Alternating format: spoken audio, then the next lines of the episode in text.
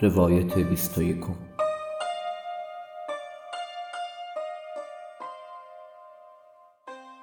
به جوانمرد گفتند از این دنیا چه با خود ببریم که آنجا نباشد و چه به خداوند پیشکش کنیم که نداشته باشد؟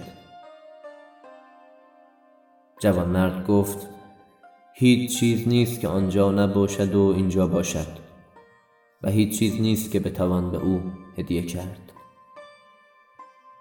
اما اینجا با خود نیستی ببرید و به خدا نیاز پیشکش کنید. تا خدا به شما بی نیازی ببخشد و هستی هدیه کند.